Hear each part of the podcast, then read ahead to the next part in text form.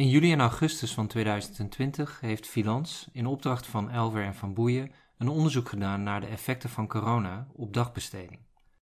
Naar aanleiding van die onderzoek hebben beide instellingen interessante inzichten opgedaan.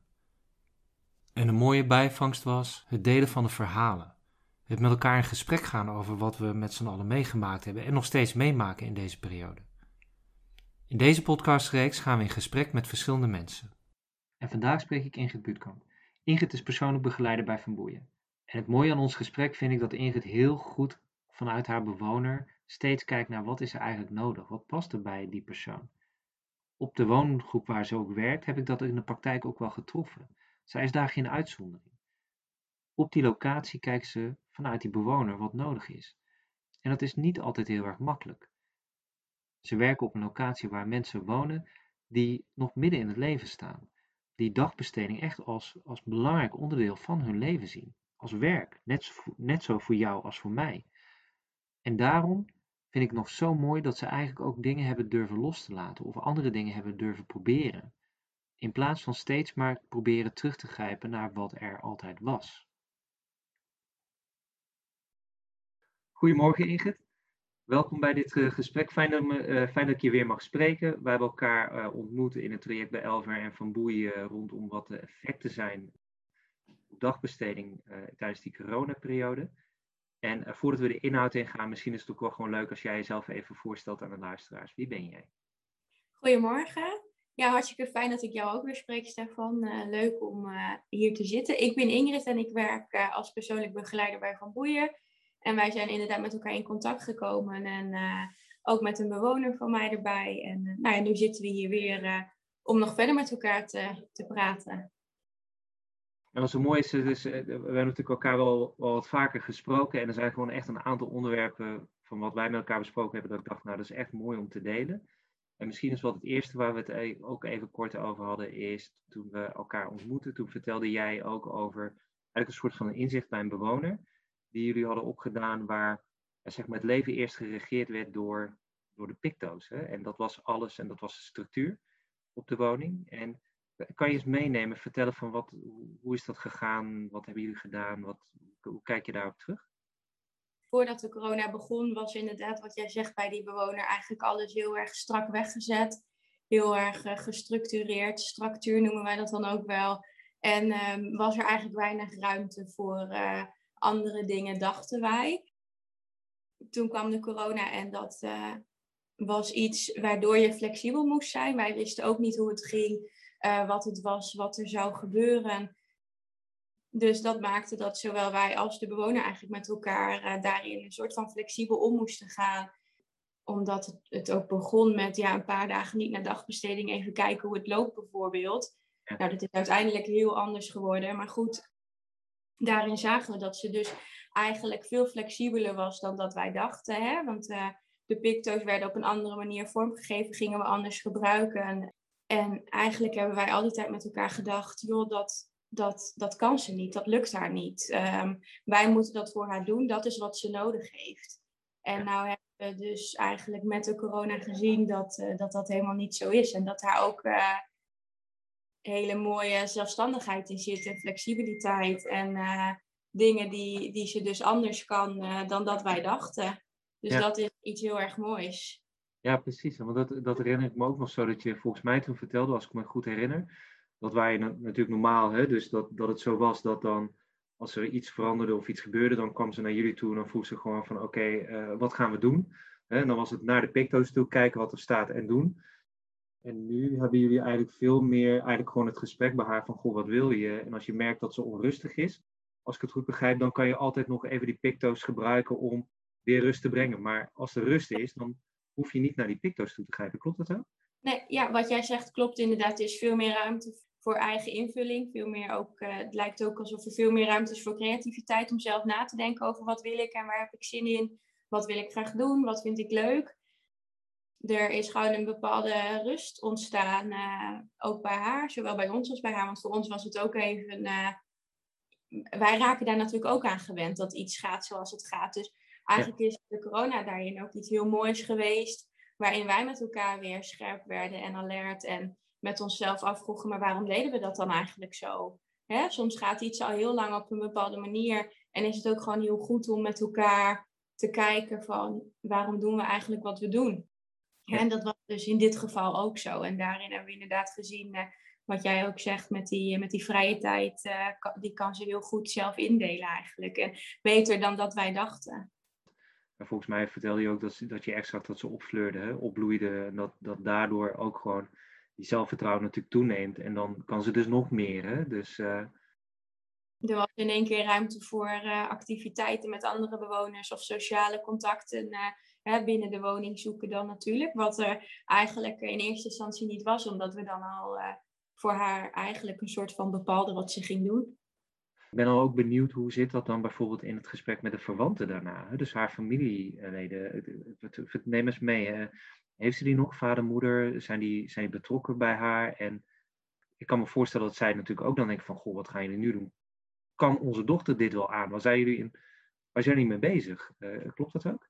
Ja, deze bewoner heeft een hele betrokken vader en broer. En uh, nou ja, wij bij Verboeien werken ook met de driehoek. Dus we zijn eigenlijk altijd heel erg met elkaar in verbinding. Uh, ook nu. En uh, onlangs nog een evaluatie over gehad.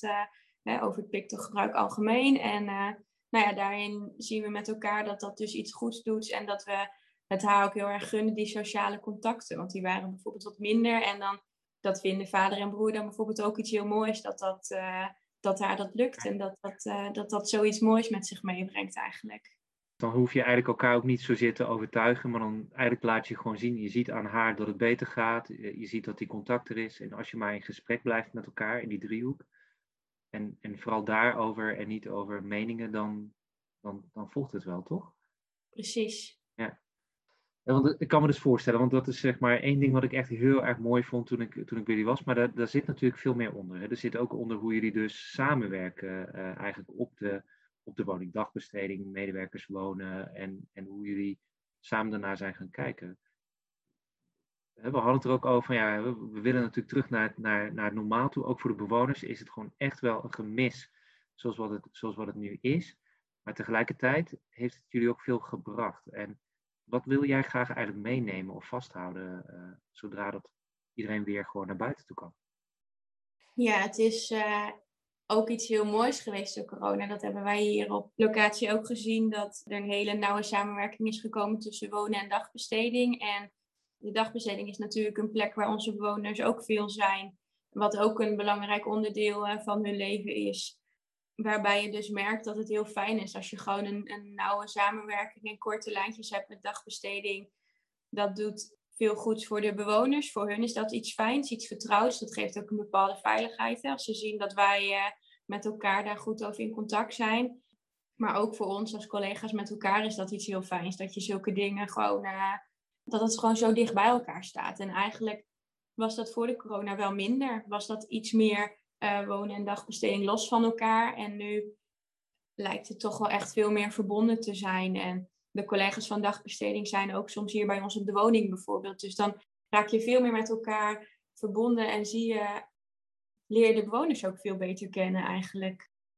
Dus dat is iets wat ik heb gezien en wat ik zelf ook gewoon heel fijn vind. Uh, hè, met de bewoners, maar ook met mijn collega's, dat het een hele een heel belangrijk onderdeel is eigenlijk van, uh, van het leven van de bewoner. En uh, dat het dus heel mooi is als je daarin zo dicht bij elkaar staat. En hebben jullie het dan ook op jullie locatie met die twee, uh, met, met, met, je collega's ook erover van goh, um, ja, hoe gaan we het nou doen zodra het het weer. Want even misschien voor de mensen, de realiteit is nu zitten een paar medewerkers dagbesteding bij jullie op de woning. Die zijn voor die groep bewoners natuurlijk nu verantwoordelijk.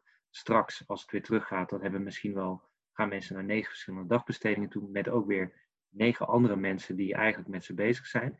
En daar wordt die lastig. Hè? Dus, ja. En hoe hebben jullie het daarover met elkaar? Ja, dat is inderdaad het punt waarvan we denken, joh, dat wordt dan in één keer weer heel veel, wat nu juist heel klein en veilig en vertrouwd is voor zowel de bewoners als voor ons. Dus dat zijn wel dingen waarvan we dan met elkaar nadenken over hoe we um, zulke korte lijntjes zouden kunnen behouden bij een aantal bewoners ligt ook zeker de wens om wel weer terug te gaan naar de dagbesteding waar ze voor die tijd waren. Maar bij een aantal zien we ook hele mooie ontwikkelingen op de huidige manier. En is er misschien uh, toch iets van een combi of zo mogelijk. En dat zijn wel dingen die we natuurlijk geleerd hebben door de corona, door te zien en uh, door te doen, door iets anders te doen. En dan hebben we het wel met elkaar over van, joh, wat we nu hebben is iets heel moois. Dat willen we dan graag straks, bij wijze van spreken, met alle negen dagbestedingslocaties. Um, en hoe we dat dan gaan doen, die is best lastig. Want hoe dat nu gaat, heb je een klein uh, groepje mensen, hè, collega's, die van dagbesteding zijn. En je merkt gewoon hoe meer mensen erbij komen en hoeveel verschillende locaties uh, dagbesteding worden, hoe moeilijker dat eigenlijk wordt. Een concreet antwoord met hoe we dat gaan doen, weet ik niet. Maar dat we het zo willen doen en willen houden eigenlijk wel. En dan willen houden in de zin van die korte lijntjes en die, die fijne samenwerking. Ja, precies. Dus dat is eigenlijk gewoon een soort van de uitdaging voor de toekomst. Hoe, uh, hoe, ga, je dat, uh, hoe ga je dat doen? Maar ook ja. wel fijn, ik denk met jou uh, wel veel meer mensen die natuurlijk echt wel die meerwaarde ervaren hebben van dat klein en korte lijnen met elkaar. Dus ik ben ook wel benieuwd inderdaad hoor, dus hoe dit, dat, want het is echt een puzzelstuk uh, op ja. manier. En als je nou, hè, want jullie, misschien ook goed voor de mensen om, die luisteren om te weten, jullie zitten natuurlijk op een woning met een, een groep bewoners die, hè, dus jullie zitten niet met veel ouderen uh, op de locatie, want dat soort locaties zie je best wel de vraag opkomen van, goh, moeten we niet gewoon twee, drie dagen iets gewoon standaard hier organiseren? En dan kan je die verbinding natuurlijk wel, en dan heb je die groep ook bij elkaar, en dan zie je die groep ook bij elkaar, en dan zie je het vanuit beide, beide perspectieven. Maar bij jullie hebben jullie nog gewoon echt jonge mensen die midden in het leven staan, die graag naar buiten willen, naar allemaal hun eigen ding. En, en dat gun je ze ook, hè? Precies, dat is ook wat we heel graag voor ze willen, inderdaad. Precies. En Negent, als we nou zo kijken naar um, um, nog, nog wat tips of wat, wat, wat dingen wat je denkt vanuit collega's, zeker vanuit jouw perspectief. Hè? Dus wat is jou nou bijvoorbeeld opgevallen vanuit die, die verbinding met, uh, met uh, dagbesteding, waar je denkt van goh, daar dacht ik wel op een bepaalde manier over, maar dat is toch, ja, toch anders gebleken of daar heb ik wat van geleerd. Heb je, heb je daar wat, wat punten voor? Mijn algemene, nou ja, is het een oordeel? Het was toch eigenlijk wel altijd een beetje dagbesteding wonen, hè? dat dat eigenlijk twee losse eilandjes waren. En ik denk misschien dat ik daarin ook te snel ben geweest. En als je ziet dat zo'n situatie als dit zich voordoet, dat je dan gewoon heel erg samen bent. Dat is wel iets wat ik heel erg heb gezien. En ook waarvan ik denk, die is ook belangrijk om gewoon in mijn achterhoofd te houden. Dat als dus zoiets gebeurt, dat je gewoon heel snel met elkaar bent. Ja, ja precies. En ik weet, ik, daar, hebben we het niet zo over gehad. Maar ik, een van de manieren hoe ik een beetje jullie wereld heb leren kennen, is dat en ik begrijp het heel goed, hè? dus dat we op heel veel dingen proberen efficiënt in te richten. En doordat je, als je twee werelden naast elkaar hebt, als je dat efficiënt probeert in te richten, dan ga je allebei je eigen tempo lopen. Je gaat allebei je eigen ding op een manier doen dat gewoon goed lijkt voor jouw wereld. En, en die verbindingen die jullie hebben gedaan, eigenlijk soms misschien vertragen, soms dingen niet doen, soms uh, uh, misschien eens eventjes uh, bepaalde dingen wel doen en dan samen kijken hoe het uitpakt. Ja. Dat is natuurlijk niet zozeer gericht op dat het efficiënt moet zijn, maar meer gewoon dat het passend moet zijn voor die, voor die bewoner ook uh, uh, veel meer. Hè? Ja. En hebben jullie, want ik kan me dus voorstellen dat er dus ook wel op de manier hoe jullie dus uh, aangestuurd wordt, dat je misschien wel ook een soort van roep hebt richting van boeien. Van goh, wat is nou nodig? Wat heb jij als medewerker nodig om, om die verbinding te maken met je collega's van dagbesteding op een manier dat niet per se efficiënt is? Of, of zeg je, nou nee, die ruimte hebben we gewoon, Stefan, dus die moeten we gewoon gaan pakken? Ik denk dat, dat we die ruimte wel hebben, maar dat we die dus meer moeten gaan pakken. Ja.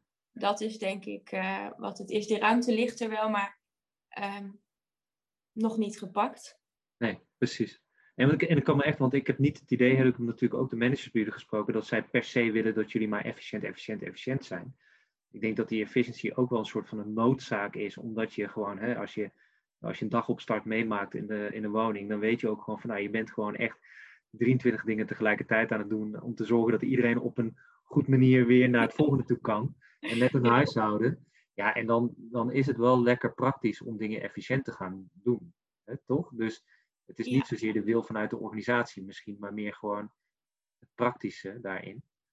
Dus uh, heel fijn Ingrid, dankjewel voor, jou, voor jouw tijd en voor dit gesprek. Um, Het leuke is, we gaan natuurlijk elkaar weer ook binnenkort spreken met Tiffany, met een bewoner bij jullie. Dus dat is een volgende aflevering. En dan kan zij ook haar verhaal gaan doen. Ook een prachtig verhaal wat zij ook elke keer weer weet, uh, weet te, te, delen. Dus uh, kijk ernaar uit om je daar weer te spreken. Benieuwd naar meer? Luister dan naar andere afleveringen uit deze reeks. Heb je zelf een ervaring of een verhaal dat je graag wilt delen? Neem dan contact met ons op.